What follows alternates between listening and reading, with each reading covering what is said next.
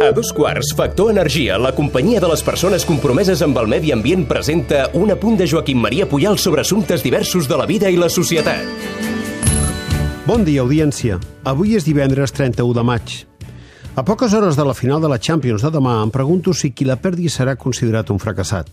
Perquè què és l'èxit? Ahir al Mundo, Alberto Contador deia que ser segon no val per res. Tot i que el ciclisme professional i el futbol d'elit no són la mateixa cosa, vull recordar també unes declaracions de Perico Delgado al mateix diari. Estem ensenyant a guanyar, però hauríem d'ensenyar a perdre. Per què? Doncs senzillament perquè passa més vegades. Mira, jo vaig córrer 11 tours i només en un vaig guanyar. Guanyar no és el que defineix l'esportista. Allò que el defineix és tota la feina que fa per intentar guanyar. Tant si ho aconsegueix com si no. Ara ets segon i et diuen que sí, que bé, però que has perdut. Em fa pena que estiguem creant una societat on només val ser el número 1.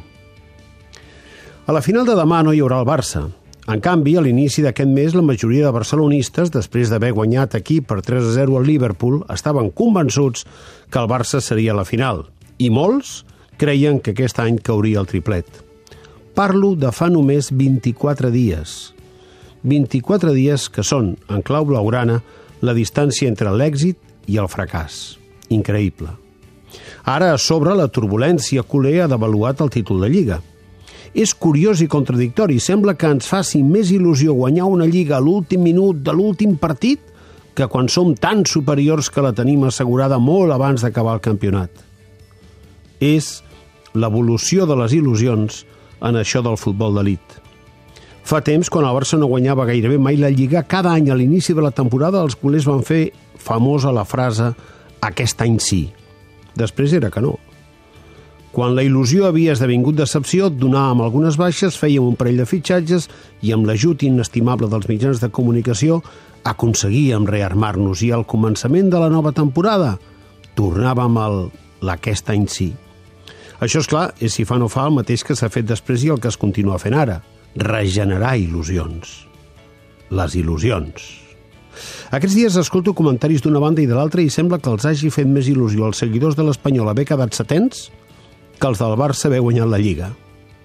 Home, podria dir-me algú, és que cadascú té les seves expectatives. Tindria raó. Però en futbol, això de les expectatives canvia d'un dia per l'altre – si fa tres dies jo hagués fet una mirada dient que Valverde continuaria d'entrenador al Barça i que Rubi deixaria de ser entrenador de l'Espanyol, m'haurien dit que estava boig, oi que sí? Parlo de fa tres dies. Tres dies. I ara què? Com s'explica això? Aquest futbol d'elit es mou en territoris inestables i la major dificultat de dirigir un club com el Barça és la complexitat. La complexitat ens fa fràgils i gestionar-la és molt difícil, molt. En canvi, hi ha coses que semblen més fàcils.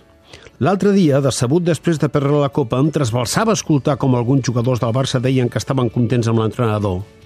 A veure si ens entenem. És Valverde qui ha d'estar content amb els jugadors, no a l'inrevés. És el president qui ha d'estar content amb l'entrenador, no a l'inrevés. I són els socis els que han d'estar contents amb el president. Això és i ha de ser així. Perquè, és clar, si en un club on es remenen mil milions d'euros no sabem qui ha de manar, com podem saber què ha de ser per nosaltres l'èxit? Qui ens ho ha de dir? Un noiet que han fet milionari i que demà potser fitxarà pel Madrid? La mirada d'en Puyal és una exclusiva de Factor Energia. En Manu, el Minimans, Manis pels amics, no, no ha contractat la llum a Factor Energia i no, no s'estalvia un 12,5%. Manu, contracteu tots la llum. A factorenergia.cat i no farem més anuncis. Per fi hi ha un altre llum. Factor Energia. Empresa col·laboradora amb la Barcelona Equestrian Challenge.